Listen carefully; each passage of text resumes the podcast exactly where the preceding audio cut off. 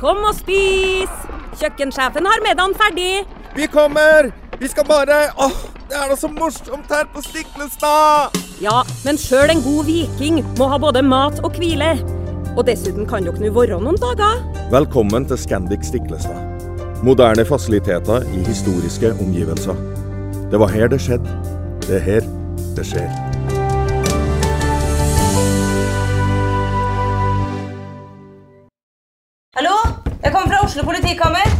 Ine Jansen er purk. Er du purk? The motherfucking bitch. Alt jeg vil, er å finne ut hva som skjedde med mannen min. Jon Carew. Er jeg sikta for noe? Iben Akeli. Det er du.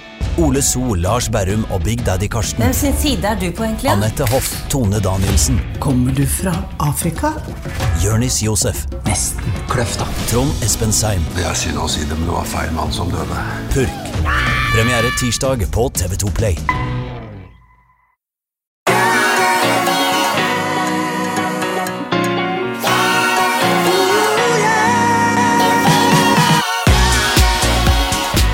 Velkommen til podkasten Hjernesterk. I dag med en covid-syk Ole Petter Gjelle. Åssen føles det å sitte oppi det? Du ser jo skammelig frisk ut, syns jeg, til å være covid-syk. Ja, etter nå å ha vært i en sånn pandemi i eh, snart to år, så ble det faktisk min tur til å, å bli syk. Jeg har jo tatt en haug av tester uh, i løpet av disse to årene. Til og med jobbet på en smitteklinikk hvor vi testet uh, i begynnelsen av pandemien testet uh, de som hadde symptomer som var forenlig med, med covid-19 og ble ikke smittet. Men nå, helt på tampen her nå, så ble ikke bare jeg, men hele familien min smittet med covid. Så det startet sannsynligvis med et uh, smitteutbrudd på skolen til barna mine, som uh, har da tatt med seg hjem, og så har hele familien fått det. Så, men vi er ganske friske alle sammen. Altså, barna hadde ingen symptomer, og det hadde for så vidt ikke jeg heller. Uh, fikk litt sånn lette forkjølelsessymptomer på dag én eller to. Eh, Men eh, vi er oppegående alle sammen. Nå er jo jeg eh, fullvaksinert, så jeg regner med at det er en viktig grunn til at jeg ikke har blitt spesielt syk. Ja. Så ja, nei, og det, det er jo litt spesielt, da. Så, man, så mye som det har vært snakk om covid, og så har man egentlig bare hatt et sånn teoretisk forhold til det, til man plutselig sitter der og får beskjed om at PCR-testen er positiv, og det er fem dagers isolasjon. og Raste hele verden sammen da, eller? Åssen Nei, tok du det? du, på ingen som helst måte. Jeg, jeg har hatt så mye å gjøre og vært veldig mye ute og reist og jobbet, så jeg var faktisk Jeg tror jeg trengte en litt sånn rolig periode. Ja, Du ser egentlig friskere ut nå enn forrige gang for da så du litt sliten ut. Ja, det har vært litt i overkant mye å gjøre. Så, sånn sett så var det med isolasjon egentlig ganske ok.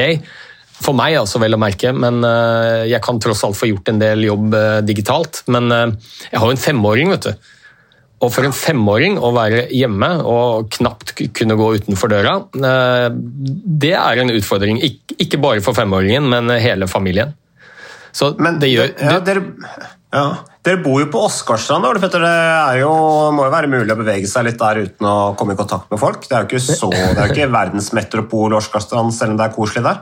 Nei, det kan ingen beskylde for å være. Nei, altså, Anbefalingene og retningslinjene er jo veldig tydelige, og det er jo at man skal være isolert. Man skal også prøve å holde avstand til familiemedlemmer. Du kan jo tenke deg hvor lett det er når det er fem stykker eh, i et hus i fem dager, og en femåring, det er klart, eh, han må du ha, og bør du ha kontakt med. Så bare det er jo ikke så enkelt. eh, Og så har man jo da lov til å gå utenfor døra si og være i hagen og sånne ting, men eh, noe mer enn det er jo ikke anbefalt. Nei. Nei, nei, nei. Men uh, hvor lenge må dere være i isolasjon, sa du? Hvor lenge har du igjen? Du, eh, min, eh, resten av familien fikk diagnosen én dag for meg, så de er ferdige nå. Så i dag er første dag med skole for min, eh, mine barn. Og jeg har fortsatt noen timer igjen, så jeg er ute av min isolasjon. Ja, ja, ja. ja, men da har du hatt det. Det er bra. Men du har ikke fått noe angst når du hørte om dette at du fikk covid? Så du fikk ikke akutt angst av det? Nei da, jeg gjorde ikke det i det hele tatt, men selvfølgelig, jeg har jo knapt hatt uh, symptomer, og, og jeg vet jo også at uh, i utgangspunktet, hvis man er eh, frisk og rask og i tillegg er vaksinert, så er det veldig stor sannsynlighet for at det blir mild sykdom. Så jeg tenker det viktigste er jo da at man prøver å unngå å smitte andre som, som kan bli alvorlig syke. Men kanskje det mest nyttige med det, for min del iallfall, det har vært at dæven når man setter virkelig pris på de tingene som man tar for gitt i hverdagen. altså. Og, Ja, kunne frihet. gå ut ja, altså Bare det å kunne gå i butikken, gå og treffe folk. Eh, det får man jo ikke gjort når man er i isolasjon. Så og jeg Nei, jeg må jo- du var, du var keen på å spille inn podkast der, så jeg skjønte at du var, hadde litt lyst til å snakke med noen. Ja, det, det er jo greit med litt kontakt med andre enn en bare sin egen familie også. Så jeg tenker jo spesielt på de som eh, var strandet hjemme i en tidlig fase av eh, pandemien. Hvor det var langt lengre isolasjonstid og hele familier som var hjemme med to voksne som skulle jobbe, og barn som var borte fra skole og hjemmeskole og borte fra barnehage. Det er, det er ganske tøff, tøff påkjenning. Men Ole Petter, apropos dette med angst, eh, helseangst er det jo mye av. Jeg tror alle kjenner noen som er litt spesielt bekymret for et eller annet, og så tenker man kanskje at dette er jo ikke noe å bekymre seg for. Eh, Jeg har jo liksom blitt oppdratt eh, i min oppvekst med mor og far som sier at de fleste problemer blir det ingenting av, sier de. Men vi har fått en melding her. Hei, Ole Petter og Mats. Jeg fikk veldig lyst til å sende denne meldingen i dag om deres tema på podkasten om bl.a. angst for fysisk aktivitet. Det har du snakket litt om ref den der eh, Ekko-episoden på NRK du vant på, Ole Petter. Det har vi pratet litt om. Og så skriver vedkommende her videre, eh, det er Gisle eh, Johnsen for øvrig, som har en, en podkast han også, som han kaller for Motivasjonspreik. Dere kan jo gå og høre på den. Men så skriver Gisle videre. Dette er noe jeg selv har god erfaring med, og derfor fikk jeg lyst til å dele dette jeg skrev for en stund siden, viktig og riktig tema, skriver da Gisle. Også det han skriver om, det er rett og slett da personlig erfaring rundt dette med, med angst. Og så skriver han for mange år siden, nærmere bestemt år, årtusenskiftet, så opplevde jeg kraftig angst. Jeg kaller det gjerne kanonangst eller totalangst. Og det kom helt ut av det blå. Eh, Eller nei, om det kom helt ut av det- blå, vil jeg ikke påstå. Allikevel så var det noe som kom ut av det blå. Jeg ble hypokonder, dvs. Si at jeg fikk helseangst. Eh, og så skal ikke skrive alt han eh, skriver her, men skal vi se her Hva er helseangst? skriver han med spørsmålstegn. Hvis du bekymrer deg svært mye for sykdom til tross for at legen din ikke finner noe galt, vil, eh, kan det være at du har helseangst. Og Så skriver han videre at dette resulterte i at jeg omtrent ikke turde å bevege meg. Pulsen måtte for all del ikke stige. Alle kroppslige reaksjoner som egentlig var naturlige, ble unaturlige. Eh, Jeg synes Det er interessant det han Gisle skriver her, eh, Ole Petter, fordi at eh, i og med at det, Vi har jo snakket om dette med Modum Bad. Og Der behandler de jo angstpasienter. Helseangst har vi snakket litt om. Du har nevnt hypokonderlegen som holder disse foredragene. Hva heter han igjen? Hypokonderlegen? Ingvard Williamsen. Wilhelmsen. Ja, ikke, ja, ikke sant? Fantastiske foredrag, det har jeg hørt, det også. Men angst er spennende, fordi at jeg husker min mor og far fortalte meg om dette her, hvordan de trente med angstpasienter. Så sa de at angstpasienter de ønsker ikke eh, å drive fysisk aktivitet, eller de har et eh, anstrengt forhold til fysisk aktivitet fordi at da går pulsen opp, og du blir svett. Og det er de samme symptomene man får eh, når man har angst. Men hva er dine erfaringer med f.eks. tidligere pasienter som har hatt angst og dette med fysisk aktivitet? Hvorfor er fysisk aktivitet et bra tiltak eller et bra verktøy mot angst? Ja, altså Vi vet jo veldig godt at uh, for de pasientene som har det vi kaller klinisk angst, da, og uh, her tror jeg det er greit å, å skille litt mellom bekymringer og frykt, redsel og det å ha angst. For det å ha angst er jo en klinisk diagnose uh, hvor man har såpass mye symptomer og plager at det virkelig går utover livskvalitet og hverdagsfunksjon. Og, og, angst handler jo egentlig om at dette fryktsystemet vi har i hjernen vår, som egentlig har vært livreddende for oss i hverdagen opp gjennom vår eksistens, som rett og slett gjør at vi reagerer når det er fare rundt oss. Du ser et vilt dyr, en fiende. Du setter av, og Da aktiveres dette systemet. Det kalles egentlig fight or flight-systemet og er rett og slett at da mobiliserer kroppen alt den kan for å yte maksimalt fysisk, for å kunne flykte eller kunne ta opp kampen. Og så er det jo det systemet, det lever jo i beste velgående i dag i hjernen vår. Den er ikke særlig endret siden den gangen vi var jegere og samlere på savannen. Men vi har jo ikke lenger noen akutte farer rundt oss. De aller fleste av oss lever jo særdeles trygge liv. Men dette systemet blir allikevel aktivert. da. Eh, egentlig helt det er jo ikke noe hensiktsmessig i, i, i, det hele tatt. Det blir aktivert ved ting vi opplever som truende, til tross for at det strengt tatt ikke er det. Og, og Det kan være at det utløses i forbindelse med redsel rundt det å være syk. Det kan være redsel for å være sammen med andre mennesker. Eh, sosial angst. Det kan være panikkangst som kommer i gitte situasjoner hvor man får en så sterk aktivering at man blir helt uh, immobilisert og ikke klarer å fungere. Mm. Eh, og så er jo litt av saken her at dette er jo egentlig det samme systemet som aktiveres når vi er ute og trener. Mm. Det er det systemet som settes i gang for at vi evolusjonsmessig da, skal kunne yte maksimalt fysisk.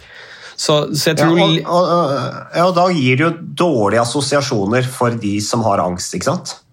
Ja, og, og, det er jo ikke så veldig rart. Har du en pasient som, som, sliter med angst, så vil jo de ofte forklare og fortelle om ganske mange plagsomme symptomer, fysiske symptomer. Eh, hjertebank, uro, skjelvinger osv. Uh, og, og, det er jo mye av det samme du opplever når du beveger deg. Du blir andpusten, hjertet begynner å slå fortere. Så um, Allikevel så vet vi jo at det å være i regelmessig aktivitet det gjør at du skiller ut en del kjemiske stoffer som, uh, som på sikt i fall, er med på å, å bedre angsten. Mm. Sånn at eh, jeg tror litt av utfordringen er å å fjerne den assosiasjonen de som lider av angst, som har da en negativ opplevelse rundt det å oppleve at man puster fortere, at hjertet slår fortere. Og istedenfor å koble det mot 'nå har jeg et angstanfall', så rett og slett at dette er en helt normal opplevelse når man er ute og driver med fysisk aktivitet. Så liksom på en måte å prøve å avlære koblingen mellom disse symptomene og angsten, og heller koble det mot at dette er en gunstig effekt når man er ute og trener. Mm.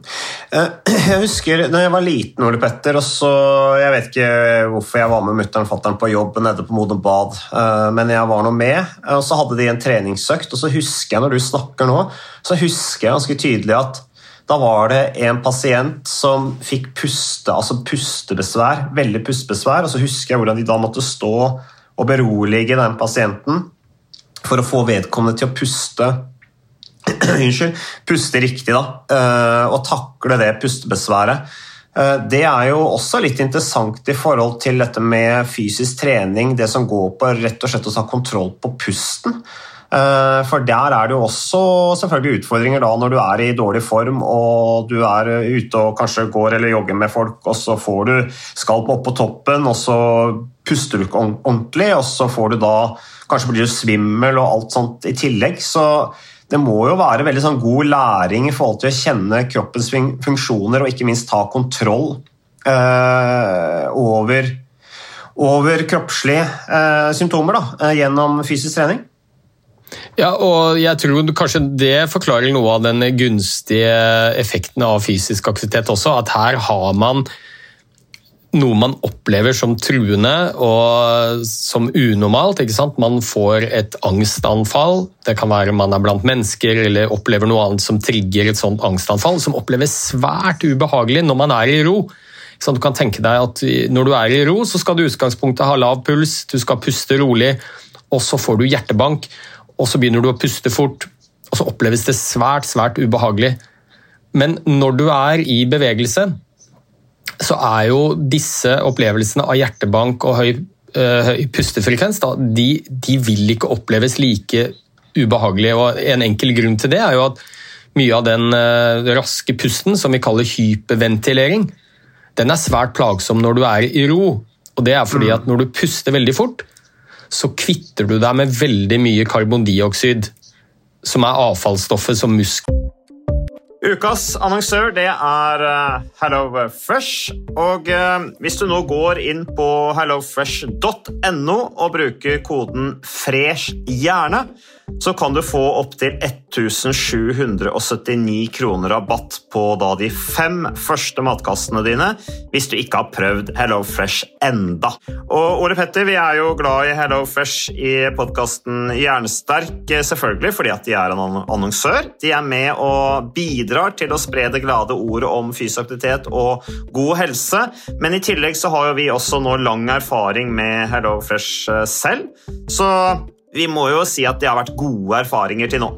Ja, absolutt. Visste du Mats, at HelloFresh det er faktisk verdens ledende matkasseleverandør? og Tilbudene til HelloFresh gjør det enkelt å lage gode og varierte retter som skaper matglede. Og matglede vet du, det er like viktig som hva du putter i munnen. Det å spise mat med folk du trives med. Så gjennom 25 nye og inspirerende retter hver uke så bidrar HelloFresh til dette. Du kan bestille ekstra porsjoner om du får gjester, eller hoppe over uke hvis du f.eks. skal bort. Mm. Og Det er ingen bindingstid, og du velger leveringstidspunkt og dag selv, så leverer HelloFresh matkassen din akkurat når det passer deg. Ikke dårlig, Mats. Nei, det er veldig bra. Så, øh, og dette er med enklere hverdag, det kan jeg nå skrive under på. For nå, forrige erfaring vi hadde forrige uke, Ole Petter, det syns jeg var Det var jo et gjennombrudd øh, for familien Kaggestad. For da lagde rett og slett barna De lagde middag og serverte middagen, så den var ferdig laget og servert da når eh, min kone Marita og meg kom hjem fra jobb. Og jeg mener Det var jo bare helt utrolig. Eh, Det var helt fantastisk. Det ble en nydelig middag. Riktignok de, de, de, de roter og søler litt, det gjør de. Så, men, men maten ble veldig god. De var veldig stolte over å kunne å ha både laget og servert maten, så det var helt fantastisk. Så vi har jo da i det siste så har vi eh, spist eh, bl.a. sitron- og dillstekt hyse med ovnsbakte grønnsaker og aioli. Eh, Vi har spist middelhavsinspirert kylling. Taco, så finnes det mange ulike typer taco. F.eks. vietnamesisk taco, som vi har spist. Thailandsk vegetargryte. Veldig riktig og sunt eh, i dagens eh, samfunn med, med fokus på bærekraft. Hvitløk og chilistekte reker i spagetti, det var definitivt en vinner. Så det er så flott. Du får rimelig mat ved at du kun betaler for det du trenger, så det blir ordentlig feststemning med Hello Fresh.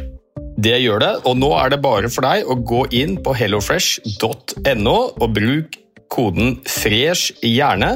Da får du opptil 1779 kroner rabatt på de første fem matkassene dine, hvis du ikke allerede har prøvd HelloFresh.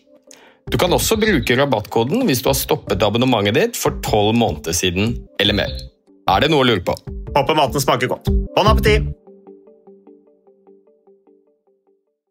våre produserer blant annet. Eh, Og da blir nivået av karbondioksid veldig lavt i blodet, og det trigger en rekke, en rekke ubehag. Du kan bli nummen i ansiktet, prikking i fingrene. Men når du er i fysisk aktivitet, så vil ikke det å puste fort gi disse symptomene, fordi at da produserer du så mye karbondioksid ved at musklene bruker energi.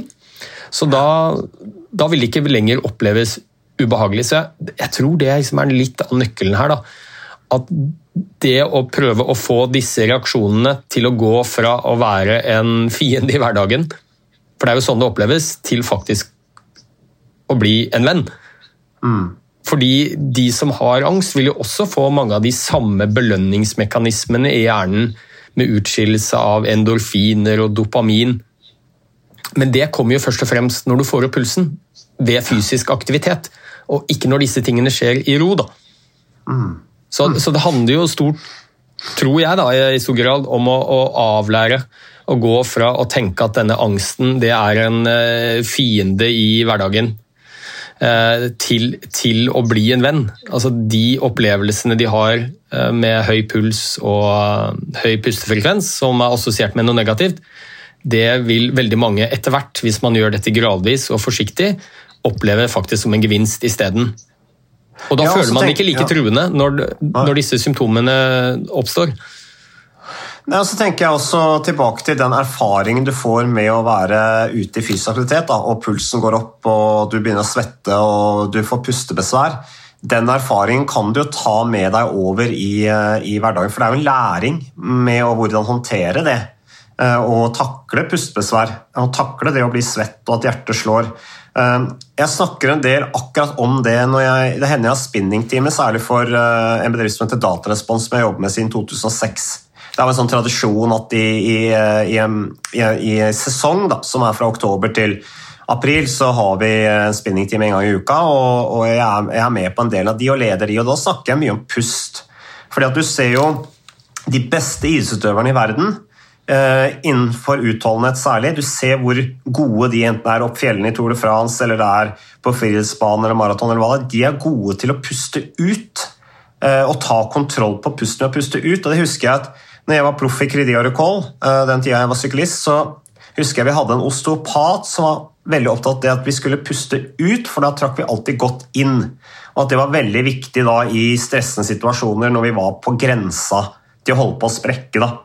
Eh, og det er jo litt sånn det, det, er jo det samme rådene som man gir også til angstpasienter. Dette med å puste i pose, f.eks. Det er jo litt det samme. Det der å ta kontroll på pusten og ha teknikker i forhold til pusten. og Det er jo ganske sånn eh, bra arena å lære det på, da, det med, med, med, når man driver fysisk aktivitet. Man skal ha fokus på å puste ut, for da trekker man alltid godt inn. Hva tenker du om det? Nei, Det er jo helt uh, utvilsomt at det med, med Pust er jo liksom kjernen i mange av disse angstanfallene. Og, og um, Grunnen til at det blir sånn, det er jo fordi at dette systemet, som i utgangspunkt skal settes i gang når du opplever en akutt fare om å løpe, om å flykte, da er det jo selvfølgelig viktig at du puster raskere, får mer oksygen som du skal sende til arbeidende skjelettmuskulatur for å flykte fra fienden eller ta opp kampen. Problemet er jo når det skjer når du sitter i ro i sofaen og du får trigget et angstanfall. For da begynner du automatisk å puste fortere, og det er ikke noe du kan styre selv, det styres av underbevisstheten din. Og så mm. puster du rett og slett ut for mye av denne karbondioksiden. Um, og det gir mange av de fysiske plagene.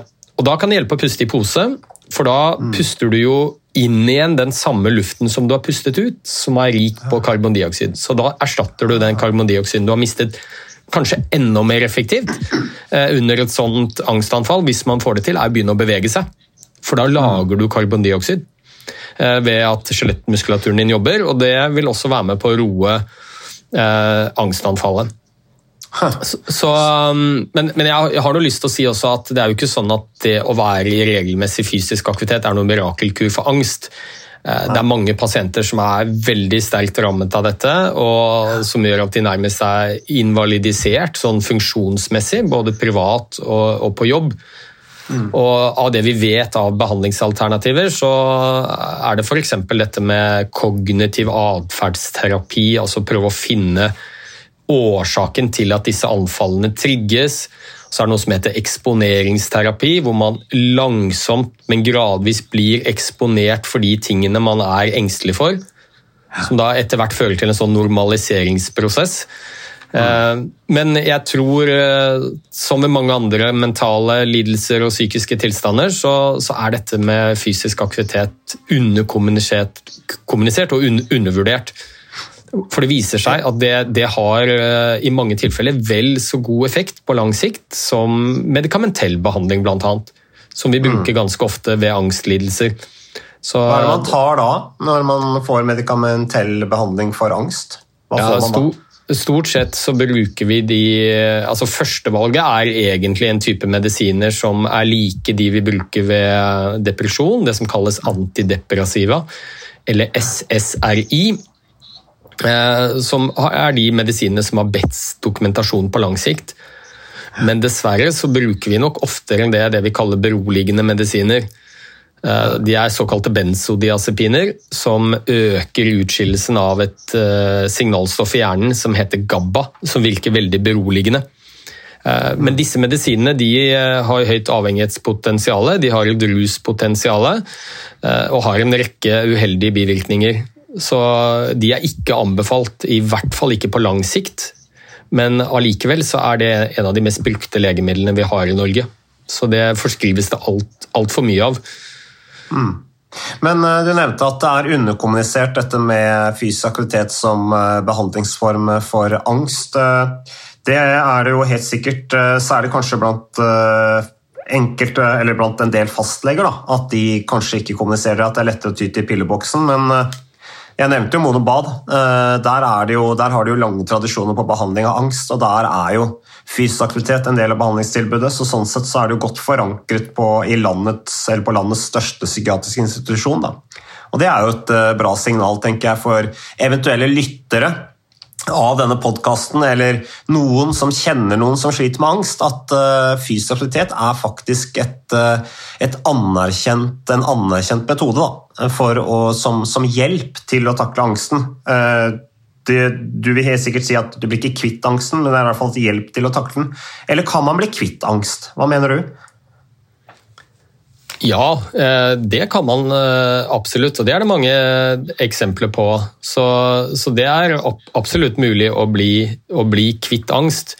Eh, jeg tror de som iallfall er sterkt plaget av dette, så vet vi som sagt at fysisk aktivitet er et viktig hjelpemiddel for mange, men jeg tenker at man da bør få litt oppfølging av noen som har kompetanse for dette. For det tror jeg er Vi ser jo det at fordi de som ofte sliter med angst, assosierer den opplevelsen de har når de trener, med et angstanfall. Eh, så, så blir det fort gjort at man får en negativ følelse rundt dette med treningen, fordi symptomene minner så veldig om angstanfallene og trigger negative følelser rundt det. Så, så, da er det tror jeg, spesielt viktig at man gjør dette gradvis og forsiktig. Det er litt sånn gradvis eksponering.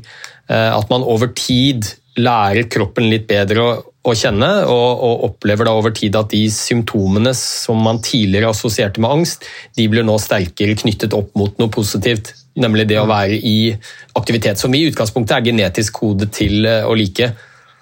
Ja. Så, og så er det veldig individualisert. altså Folk trenger forskjellig oppfølging og forskjellig dose av fysisk aktivitet. Så, så for de som lider av klinisk angst, så, så vil mitt første tips være å kanskje snakke med fastlegen sin om det. Og så er det dessverre noe vi, eh, veldig mange av oss fastleger har lite kunnskap om. Fordi vi har lært ja. ingenting om det på studiet. Men eh, det finnes andre der ute som, eh, som har mer kompetanse om det. Så nevner du Modum Bad, og det er jo helt fantastisk. At mm. Der har jo dette vært en hjørnestein i behandlingen av både depresjon og angst i flere tiår. Ja. Litt av utfordringen er at de, det er ikke så mange andre som gjør det samme. Eh, og Det er vanskelig å komme inn på Modum Bad. Jeg har jo prøvd å henvise pasienter dit jeg i 10-15 år, og bare unntaksvis altså jeg lykkes. Fordi det er så stor pågang, og det er lang, lang ventetid. Så, um, så, jeg håper jo virkelig at dette er noe som eh, kanskje spesielt vi som jobber i førstelinjetjenesten, vi fastleger får mer kunnskap om. Sånn at det er et verktøy vi faktisk kan bruke eh, hos pasientene våre. I større grad enn det vi gjør i dag. da. Ja, Nei, Vi hadde jo, eh, vi hadde jo uh, Lars Erik Lund som snakket om depresjon. Uh, nå snakker vi om angst. Fysisk aktivitet igjen, det går igjen som et bra, bra middel. Og så tenker jeg kanskje at kanskje viktigere enn andre Eller enda viktigere er det kanskje for de som med angst å kanskje ha med seg én når man da velger å gå ut og jogge seg en tur eller gå ut og gå seg en tur. Da. Hvis du skulle få anfall, sånn at vedkommende som er med deg, kanskje kan være der som en støtte. Da, hvis du skulle oppleve angstanfall underveis. Hva tenker du om det? Jo, det tenker jeg er en god en veldig god løsning. Og, og, er det noen som hører på, og som er mye plaget av angst, og som ønsker å sette i gang med dette, så er det selvfølgelig ikke noe veien for å prøve det sjøl. Det er jo ikke noe um, risiko i det. Så uh, kanskje har man ikke en fastlege eller noe man uh, har mulighet til å oppsøke, så går det an å, å, å bare sette i gang forsiktig. Og det kan jo være hvis man opplever symptomer på angst, at man rett og slett prøver å bevege seg. Eh, det kan være å gå en liten spasertur. Så, mm, så, vil nok de aller fleste oppleve at det lindrer symptomene. Hmm. Det var godt tips, eh, Ole Petter. Eh, takk til Gisle som sendte inn det innspillet til temaet. Vi kommer helt sikkert til å følge opp angst med. Vi er opptatt av mental helse i podkasten. Og så for at ikke jeg selv skal få angst og bli deprimert, så tror jeg faktisk jeg skal komme meg ut og trene en liten tur sjøl. Det kan sikkert ikke du, Ole Petter. Du har covid, altså, du har covid, men er det sånn at du kan trene inne, eller? Selv om du har covid? Eller dropper du å trene nå fordi at du føler deg ikke frisk nok til det? Du, jeg, selvfølgelig, du har jo lov til å, å trene. Eh, og Det kunne jeg gjort enten å løpe rundt huset, det hadde jo vært lov, eller kan gå ned og ta en tur på rulla eller tredemølla. Så det, det har jeg gjort. Så, så jeg har trent litt, litt forsiktig, da. Eh, I og med at jeg Iallfall testen viser at jeg er syk, så har jeg tenkt at det er fornuftig å ta det litt rolig, men jeg har tatt noen lette, lette treningsøkter. Du, og så må jeg bare få lov å si en ting når, når vi snakker om angst. og det er jo at I dag så begynner vi å få god dokumentasjon på at regelmessig fysisk aktivitet er et viktig verktøy for å behandle angst. Og kanskje spesielt de lettere formene for angst så er det et effektivt behandlingsverktøy som viser seg å ha vel så god effekt som de beste legemidlene vi har på markedet. Men det som er enda mer effektivt, det er jo å bruke regelmessig aktivitet for å forebygge angst. Og Det gjelder akkurat det samme for depresjon. Ja, fysisk aktivitet er et behandlingsalternativ for de som har blitt deprimerte, har angst. Men den aller mest eh, markante effekten av fysisk aktivitet er jo at det forebygger, altså reduserer sannsynligheten for at du utvikler angst eller utvikler depresjon. Så det er jo kanskje der den aller største verdien ligger. I forebyggingen. Ja, forebygging er veldig smart. Så du drar ikke ut og trener eller mosjonerer, du drar ut og forebygger. Enda god grunn til å komme seg ut og mosjonere. Tusen takk for eh, deg, dine, din kunnskap, Ole Petter, og tusen takk for alle som lyttet på podkasten Jernstein.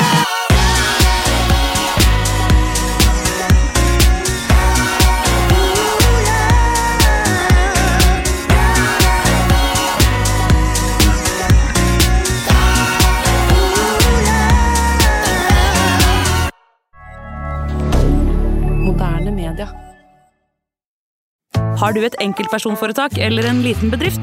Da er du sikkert lei av å høre meg snakke om hvor enkelt det er med kvitteringer og bilag i fiken, så vi eh, gir oss her, vi. Fordi vi liker enkelt. Fiken superenkelt regnskap.